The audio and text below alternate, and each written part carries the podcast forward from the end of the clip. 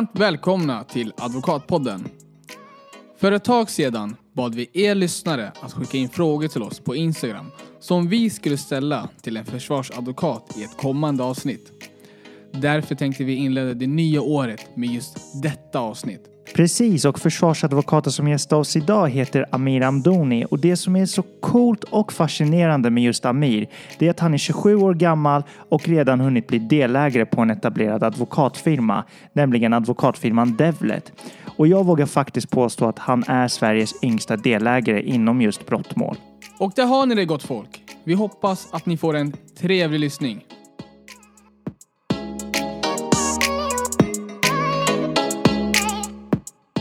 Varmt välkommen försvarsadvokaten Amir Andoni. Tack så mycket. Tack, tack för att jag fick komma. Hur känns det att vara här? Det känns spännande faktiskt. Mm. Till skillnad från eh, tidigare gäster så känner vi varandra tidigare, du, jag och Benar. Och det är för att vi har alla tre läst samma kvällskurs den här terminen. Praktisk retorik. Precis, precis. Men jag hoppas att det inte är därför ni har mig här. Nej, nej, nej, nej precis. Men vi tyckte faktiskt att det var, det var intressant faktiskt att vi fick, eh, eller att vi såg dig, för Mm. vi, vi hade ju koll på dig innan också. Okej. Och att eh, en försvarsadvokat Ja. som eh, väljer den här kursen, liksom, att Mm. alla kan utvecklas. Liksom, ingen är duktig eller Nej. fullärd. Liksom. Precis. Och det var ju av den anledningen jag valde att, att studera den kursen också. För jag tycker att man alltid kan bli bättre. Och det är inget som jag ångrar att jag valde heller. Mm. Känner du att den här kursen har hjälpt dig i, din, i ditt yrke? Ja, jag känner att jag har fått en del praktiska tips som, som jag inte tänkt på innan. Som jag har börjat använda mig av i, i mitt yrke. Så kan jag säga. Intressant. Mm. Nej men eh, även som oss så har du tidigare pluggat på juristprogrammet eh, i Stockholm. Skulle du kunna berätta lite om din bakgrund? Vad var det som fick dig att vilja studera just eh, juridik? Min bakgrund, hu- hur långt tillbaks vill du att jag går? Så som du känner, du väljer. Alltså, om anledning till varför jag valde att att studera juridik, jag, jag har alltid varit intresserad av människor. Eh, Så det var väl den främsta anledningen att hjälpa människor helt enkelt. Så, så jag visste ganska tidigt att det var den banan som jag ville välja. Och att försvarsadvokat var det som, som jag ville jobba med i framtiden. Så det var väl anledningen till, till varför jag valde juridik helt enkelt. Det korta svaret då. Ja, jag förstår. Men eh, hur var det att plugga då här på Stockholms universitet? Ja, utbildningen var, den var sådär skulle jag säga. Jag har alltid varit en praktisk människa så jag har alltid velat eh, jag, har inte, jag är inte så teoretiskt lagd så läsa och, och så är inte riktigt min grej utan jag gillar att eller jag gillar att läsa när jag ser att, att det omvandlas till någonting praktiskt vilket, eh, vilket det ser ut i mitt jobb men utbildningen var ja sådär skulle jag säga. Det, vissa kurser var roligare än andra men överlag så så var det genomförbart. Det känns som att vi redan vet svaret på det här, men vad var din favoritkurs då? Min favorit, jag hade två favoritkurser faktiskt. Straffrätten, den är ju given, det var ju en av dem. Och sen var det en annan eh, specialkurs, jag vet inte om ni har kvar den nu, men rättspsykologi hette den. Jo, det, vi, har, vi har några kompisar faktiskt Ja. som har läst den. Ja, men den, Ja. den var väldigt intressant. Där hur man eh, hur, det var, hur psykologi och juridik så att säga kom, kom ihop. Så, så det tyckte jag var väldigt spännande. Vilken kurs var minst intressantast? Den som var minst intressant. Alla kurser som inte var straffrätt och psykologi. Typ affärsjuridik? Ja, det, det var inte någonting som, som, som jag hade varmt om hjärtat så, så, så de, var inte, de var jag inte så intresserad av, nej.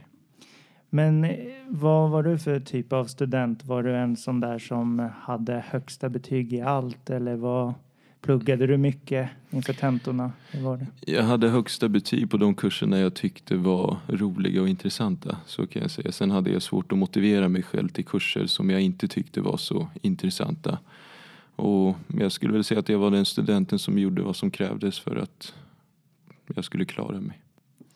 Och eh, sen eh, den ganska självklara frågan då, varför ville du bli advokat?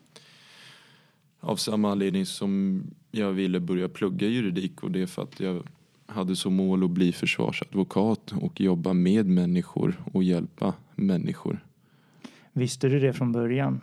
Alltså på juristprogrammet då att du ville bli försvarsadvokat? Ja, det visste jag redan innan jag började så, så det var därför det var ganska tydligt vilka kurser som var intressanta och, och mindre intressanta. Upplever du att eh, ditt eh, utländska påbrå, för du, är ju, du har ju ett eh, vad ska man säga, utländsk bakgrund då. Mm, mm. Eh, du är hall, eller Mina föräldrar är från Tunisien. från Tunisien, ja.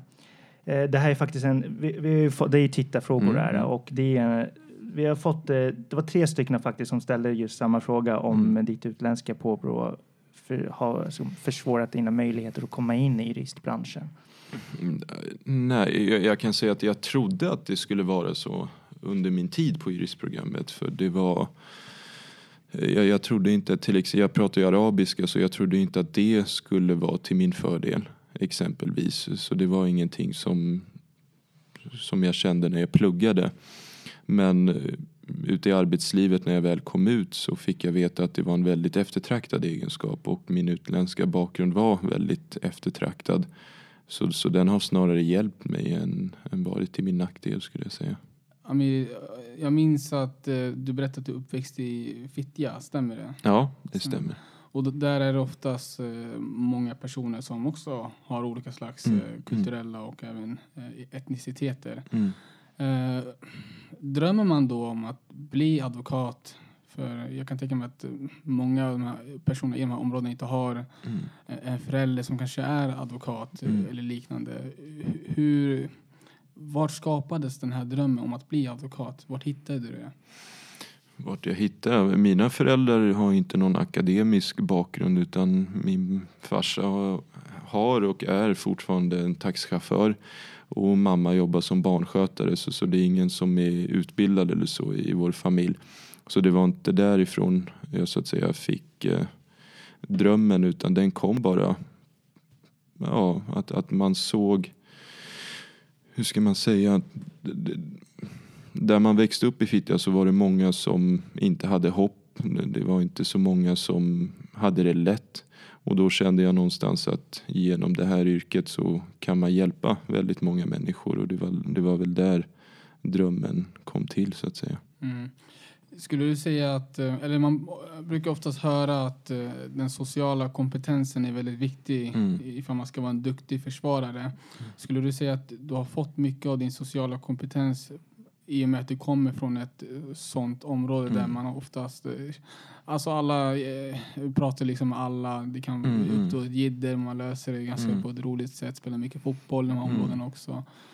Eh, skulle du säga att det kommer därifrån eller? Eh, jag- skulle säga att jag har fått väldigt mycket eh, från där jag växte upp och den här sociala kompetensen den underlättar väldigt mycket för man lär sig att hantera människor på, på ett annat sätt. Och när jag har klienter som kommer från områden där jag har växt upp eller liknande områden så upplever jag att, att jag kan att vi förstår varandra på ett helt annat sätt. Och, och det underlättar ju självfallet det här med förtroendet och att de får en viss tillit till mig. Så det skulle jag säga att det underlättar väldigt. Har du någonsin känt, eller är det på det sättet att, eh, att du på grund av din utländska påbrå har mött en slags uppförsbacke i domstolen? Att eh, en domare eller någon liknande på något sätt eh, har behandlat dig annorlunda i och med att du har rötter i Tunisien och det kanske... Ja, jag, jag har blivit misstagen för att vara tolk Mm. ett x antal gånger. Ja, så det, det har jag blivit. Men eh, bortsett från det så skulle jag inte säga att jag har upplevt eh, eh, något sådant. Eh, faktiskt inte. Utan jag upplever att eh, man är väldigt opartisk och, och neutral av de jag har mött. Och med undantagen där jag har blivit misstagen för att vara tolk av eh, någon outgrundlig anledning. Hur hanterar du en sån situation när domaren säger till dig, är du tolk idag?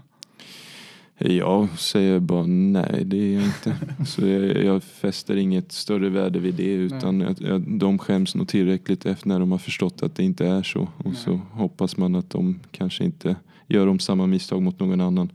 Men eh, nej, jag tar det med en klackspark helt enkelt. Ja, nu när vi ändå pratar om hur det är i domstolen, skulle du kunna förklara hur hela förfarandet går till från att du eh, blir förordnad till en, eh, rättsprocess i domstolen till en eh, eventuell dom? Och där är det lite olika. att ibland, Oftast börjar det ju med att domstolen ringer då och ska förordna en. Att det är en person antingen som har begärt att man ska företräda den eller att man befinner sig på en så kallad lista. Och då får man det här uppdraget och är det så att klienten är frihetsberövad, anhållen, så ska det hållas ett förhör, oftast skyndsamt. Så då tar man kontakt med polisen och infinner sig vid det förhöret. Och efter det så tar åklagare ställning till om personen i fråga ska vara fortsatt frihetsberövad och begära honom häktad eller om han ska försättas på fri fot. Och är det så att han begärs häktad så har man en så kallad häktesförhandling där domstolen tar ställning till om personen ska försättas på fri fot eller vara häktad.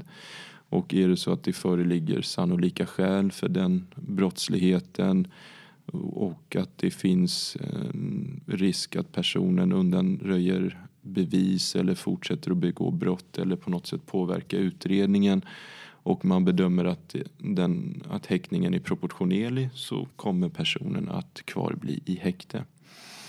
Och efter det så har ju utredningen sin gång och beroende på vad det är för brott så kan det vara alltifrån någon vecka till eh, flera, uppemot ett år som personen kan vara frihetsberövad.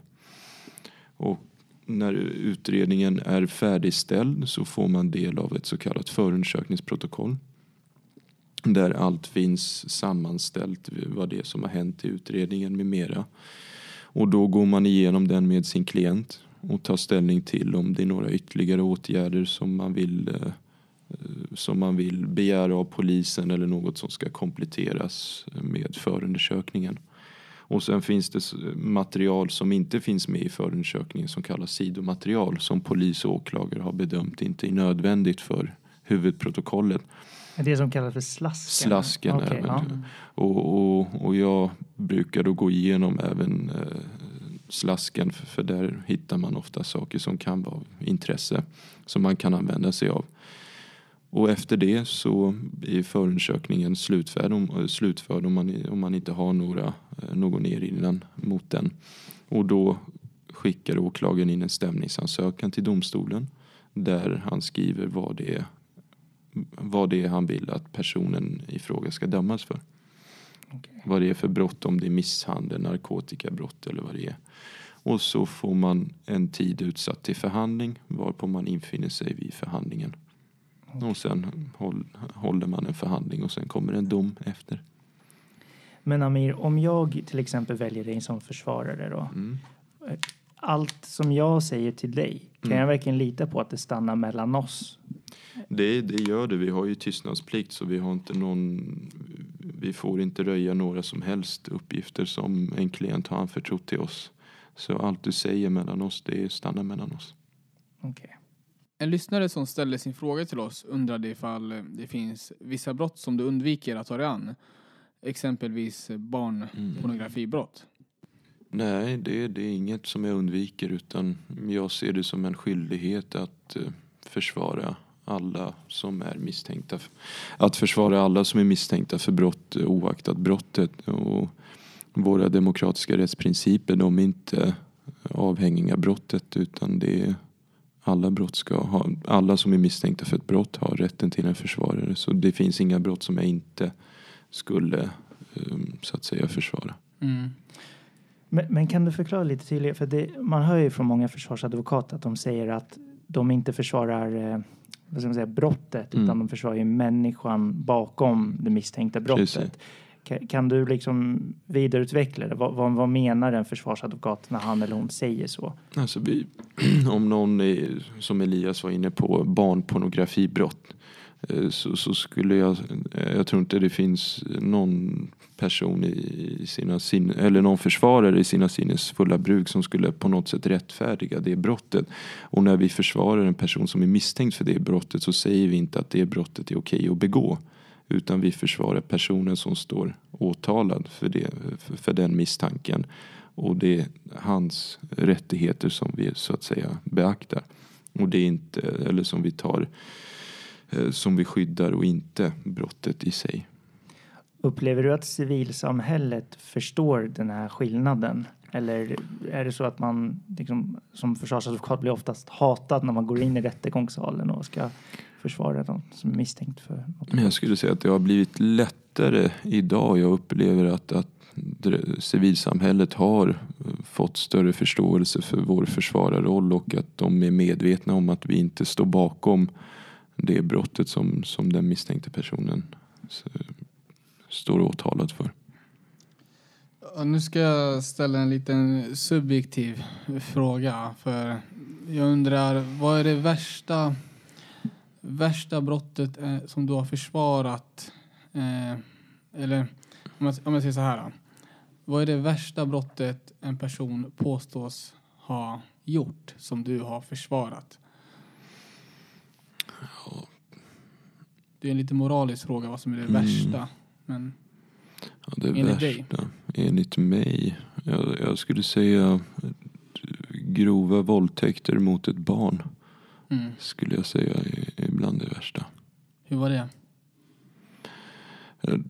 Man man lägger ju så att säga sina känslor åt sidan när, när man försvarar en, en person. Precis som en läkare när, när han ska operera så tänker han inte och reflekterar kring vad- det är för vad personen som, som ligger framför honom har gjort. Och på samma sätt gör vi som försvarare också. Går jag någonstans in och tänker eh, och reflekterar över brottet och är han skyldig, han är inte skyldig och, och tar in den moraliska aspekten i det hela då, då kan man inte försvara någon. Och så därför lägger man det åt sidan men efteråt så, så det är klart man tänker, man är ju bara människa. Så, men där och då så utgår jag bara ifrån vad min klient säger. Vad är det tråkigaste med att jobba som försvarsadvokat? Det tråkigaste, jag skulle säga det jobbigaste, inte det tråkigaste men det är väl att, att man möter så tragiska livsöden. Mm. Att det är, man möter människor som vars liv har förstörts, som är frihetsberövade. Man ser hur, hur deras liv har vänt till det sämre och att, eh, att man möter väldigt många som mår väldigt dåligt och det är någonting som, som påverkar en. Att man ser hur tragisk människan ibland kan vara. Du säger att eh, det kan påverka dig. Eh, I slutet av dagen är vi alla människor såklart, Mm, eh, som du nämnde. Men hur, hur påverkar det dig? Ja, Att man går runt och tänker på att man kan upp, uppleva att livet är väldigt orättvist ibland. Och varför så många ska ha det så dåligt. Och varför just den individen ska påverkas av det. Eller varför eh, hen mår så, så som den gör. Och det är väl det, är väl det som, som kan göra det jobbigt. Mm. Det som har hänt i din karriär? Det roligaste det är väl när mina klienter frias. Mm. Som alla är oskyldiga. Det, det där kan, kan verka lite provocerande för många när försvarsadvokater säger sådär. Ja. Att, eh, alltså, tänker man som en försvarsadvokat att man ska vinna eller Ja, tänker man på att ja, men alltså, ibland när man torskar eller det är ganska Mm. ofta man kanske torskar Mm. som en försvarsadvokat så kanske man tänker ja men det kanske var min klient som hade gjort det här. Eller, jag, hur tänker man? jag, jag utgår ifrån vad min klient säger. Så säger han att han är oskyldig och domstolen kommer fram till att så är fallet så ser jag det som en vinst för en person som är oskyldig har, har inte behövt dömas. Men eh, hur lång tid skulle du säga att det tar tills man får en eh, liksom processvana? När blir man en skicklig försvarsadvokat? Ja, det beror på lite vad man mm, lägger i begreppet skicklig försvarare. Jag har sett väldigt många som efter att ha varit i något år som är väldigt skickliga. Men generellt skulle jag säga att, att jag ser det här som ett hantverk. Och precis som en fotbollsspelare som precis har börjat eh, sin karriär på elitnivå kan vara väldigt duktig. Messi när han började när han var 17 eller 18 år var ju eh, en väldigt duktig fotbollsspelare men han var lite bättre när han var 25, 30 och så vidare.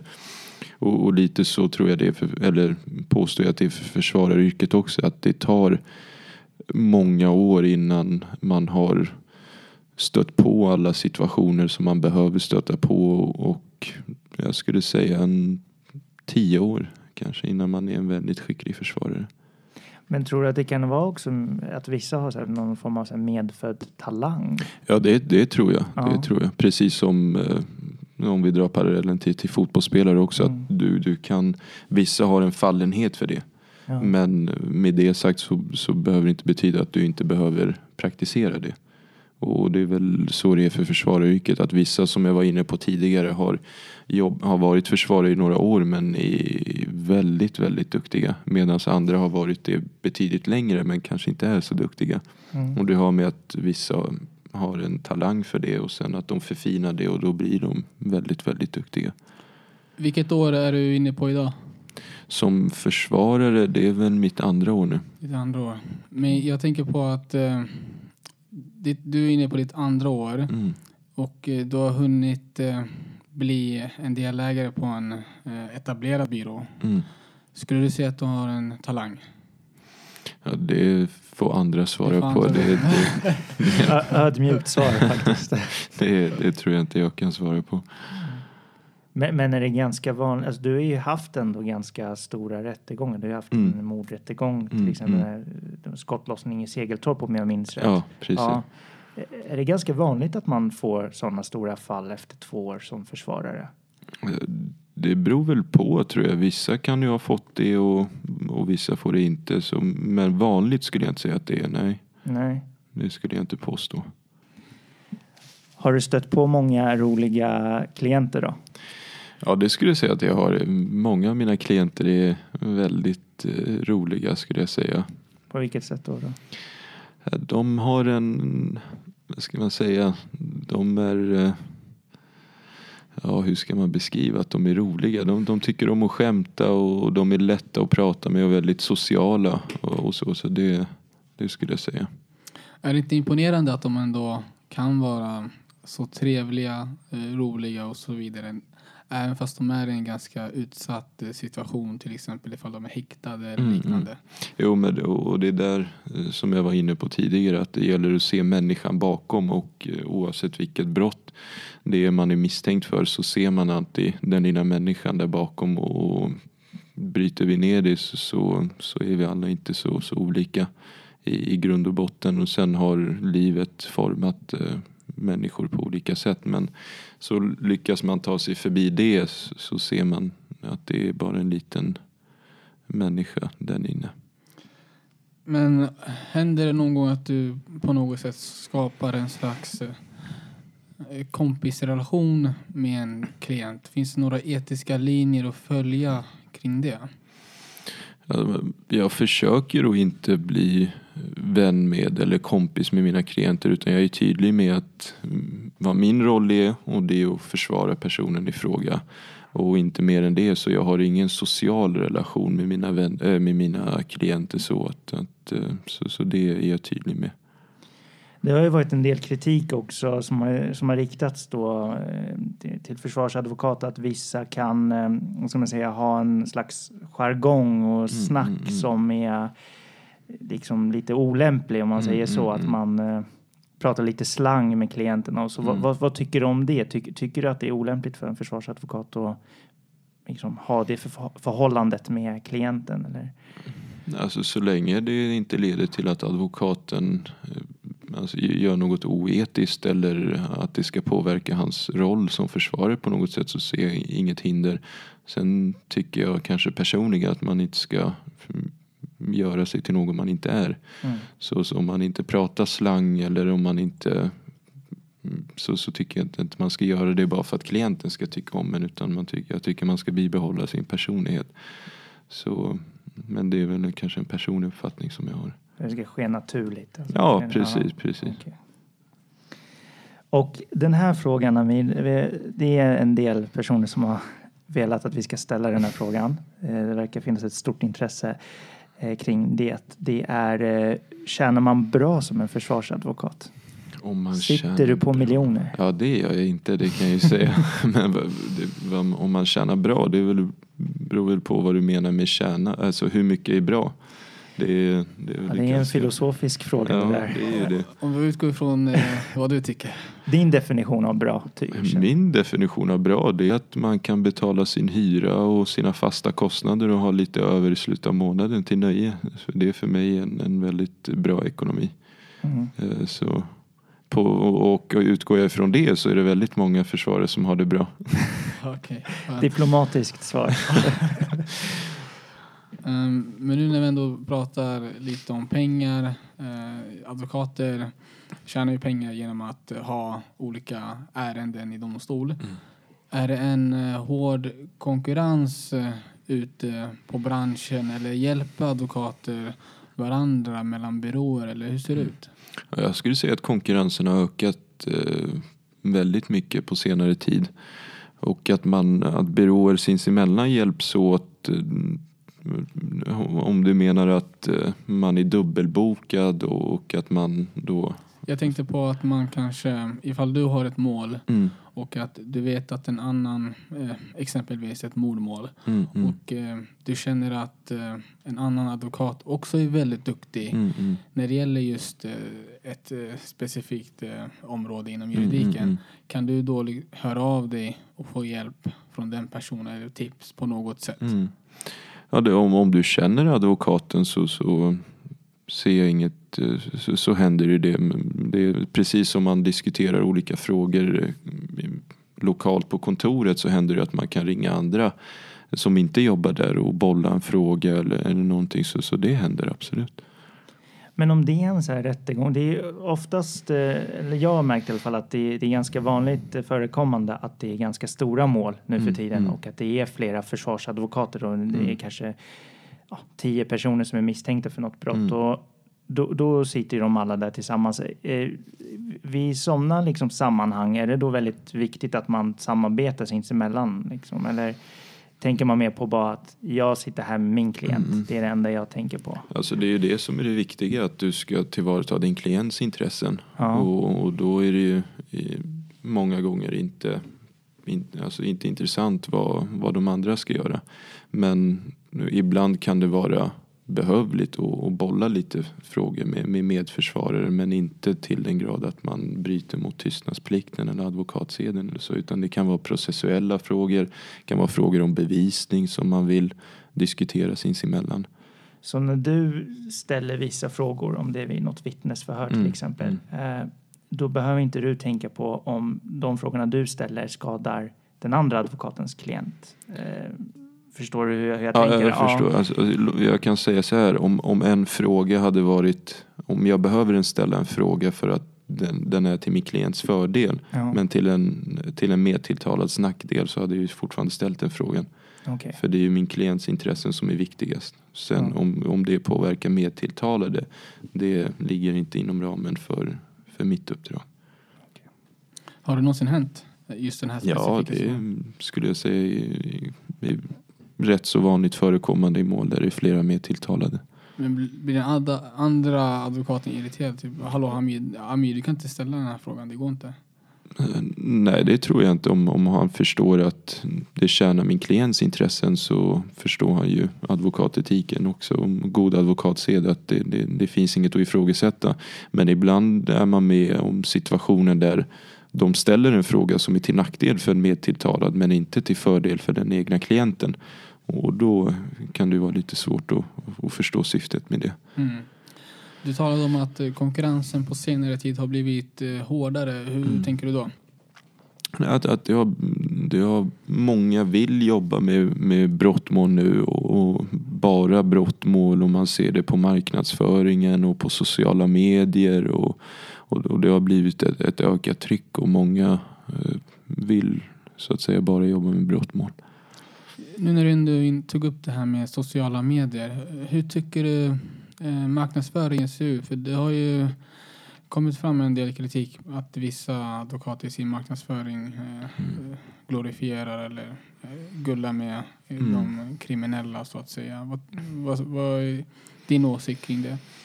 Nu, nu har inte jag sociala medier eller så, så det jag har läst det är väl det som har framkommit i, i media och så men eh, ja, jag vet inte hur jag ska svara på den frågan men när man gör marknadsföring så tycker jag inte att man ska att, att man ska så att säga på något sätt glorifiera kriminalitet i syfte att, att tjäna, tjäna pengar. Så. Men, men du är en ung advokat och Mm. du, du har jobbat nu i två år som försvarsadvokat. Hur kommer det sig att du inte lockas av att göra reklam på sociala medier? För vi, innan eh, det här mm, avsnittet då, när vi gjorde vår eh, research om dig så jag försökte i alla fall hitta dig på Mm. Instagram och sociala medier, men jag Mm. hittar inte dig Nej, någonstans. Eh, Är det något medvetet val som du har gjort? Eller? Ja, det, det skulle jag säga. Det är väl ett medvetet val att jag inte finns på sociala medier. Men varför jag inte känt något behov av det? Ja, ja, jag har faktiskt inget vettigt svar på det. Jag, jag tycker bara inte om det helt enkelt. Jag tycker inte om att synas på det sättet. Men hur får du dina klienter då? Det är väl på rekommendationer. Att eh, en klient har, som jag har företrätt har tyckt att jag har gjort ett bra jobb och, och rekommenderar mig till andra klienter och så sprids det på den vägen.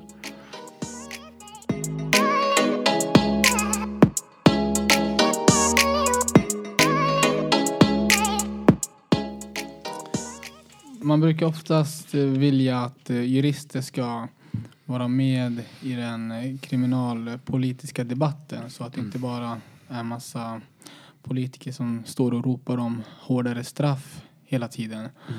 Och eh, vi fick in en eh, lyssnarfråga som, den kanske är lite taskig, men eh, vi undrar, eller lyssnaren då undrar, hur tycker du att man ska lösa de mord som sker i förorterna? Och taskig i den bemärkelsen Mm. att det är kanske en svår, svår fråga att Ja, svara det- på det- här på rak arm. Men Väldigt, väldigt svår fråga. För det finns ju många olika faktorer som man ska beakta. Men jag tycker inte att det här är bara ett politiskt problem. Utan det här är ett problem som snarare eh, som berör hela samhället och att det finns man kan, det finns, man kan göra insatser på en massa olika nivåer och och det är inte att bara slänga det till politikerna och säga nu, nu får ni lösa det här genom hårdare straff eller eller andra saker. Det, det tror jag inte är en lösning på problemet utan man måste göra en, en hel omvändning och det är saker som, som, som måste ändras. Vad behövs ändras enligt dig då? Ja, det, det, utanförskapet är ju onekligen en, en, en faktor i det hela och politikerna de eh, jag sitter med personer som är misstänkta för brott och i vissa fall är de öppna med att de så att säga har en kriminell livsstil. Och när jag frågar dem hur det kommer sig att de har hamnat på den banan de har gjort. Då får jag inte det svaret som politikerna tror är anledningen till varför personer väljer att vara kriminella. Och, och då ser man ganska så, så snabbt att hårdare straff det kommer inte vara en lösning på det här utan man måste fånga upp dem tidigt och vad gör det som gör vad är det som gör att personer börjar begå brott. Och det kan vara allt ifrån att man måste eh, fånga upp dem tidigt i skolan när personer med eh, som har olika eh, svårigheter med att lära sig att de inte fångas upp och det slutar upp med att de slutar gå i skolan för de känner att de ändå inte lär sig, att lärarna inte ger dem den tiden. Då, då blir det ett slags utanförskap och de börjar inte gå till skolan, de börjar hänga i centrum och det ena leder till det andra. Så som sagt, jag tycker att problemet eh, är uppdelat i olika instanser men att komma när, när problemet redan har uppstått, nu är du kriminell och nu ska vi stoppa det genom hårdare straff, då börjar man lite i fel ände. Men Amir, du är ju född och uppvuxen i Fittja. Mm. Eh, Och eh, du har ju, man kan ju nog säga att du har, du har lyckats väldigt väl med utbildningen Mm, och mm. liksom, Mm. att du har blivit nu försvarsadvokat. Hur kommer det sig att du klarade dig och att kanske någon annan inte klarade sig lika bra? Ja, det är en väldigt svår fråga varför jag klarar mig och varför andra har valt en annan väg. Jag kanske bara hade tur. Eh, för det är många av dem som jag växte upp med de valde en, en annan väg men jag bestämde mig tidigt för att jag ville välja den här vägen. Sen, det, det är kanske lätt att säga men jag var lite inne på det, det här med skolan. Jag hade lite lätt för skolan medans många av de som, som jag umgicks med tidigare inte hade så lätt för skolan. Och när det inte gick bra för dem i skolan så valde de en annan väg och de kände att de inte fick ett stöd eller hjälp eller det som de ville ha. Och när man Och då hamnar man ganska så snabbt i ett, i ett utanförskap.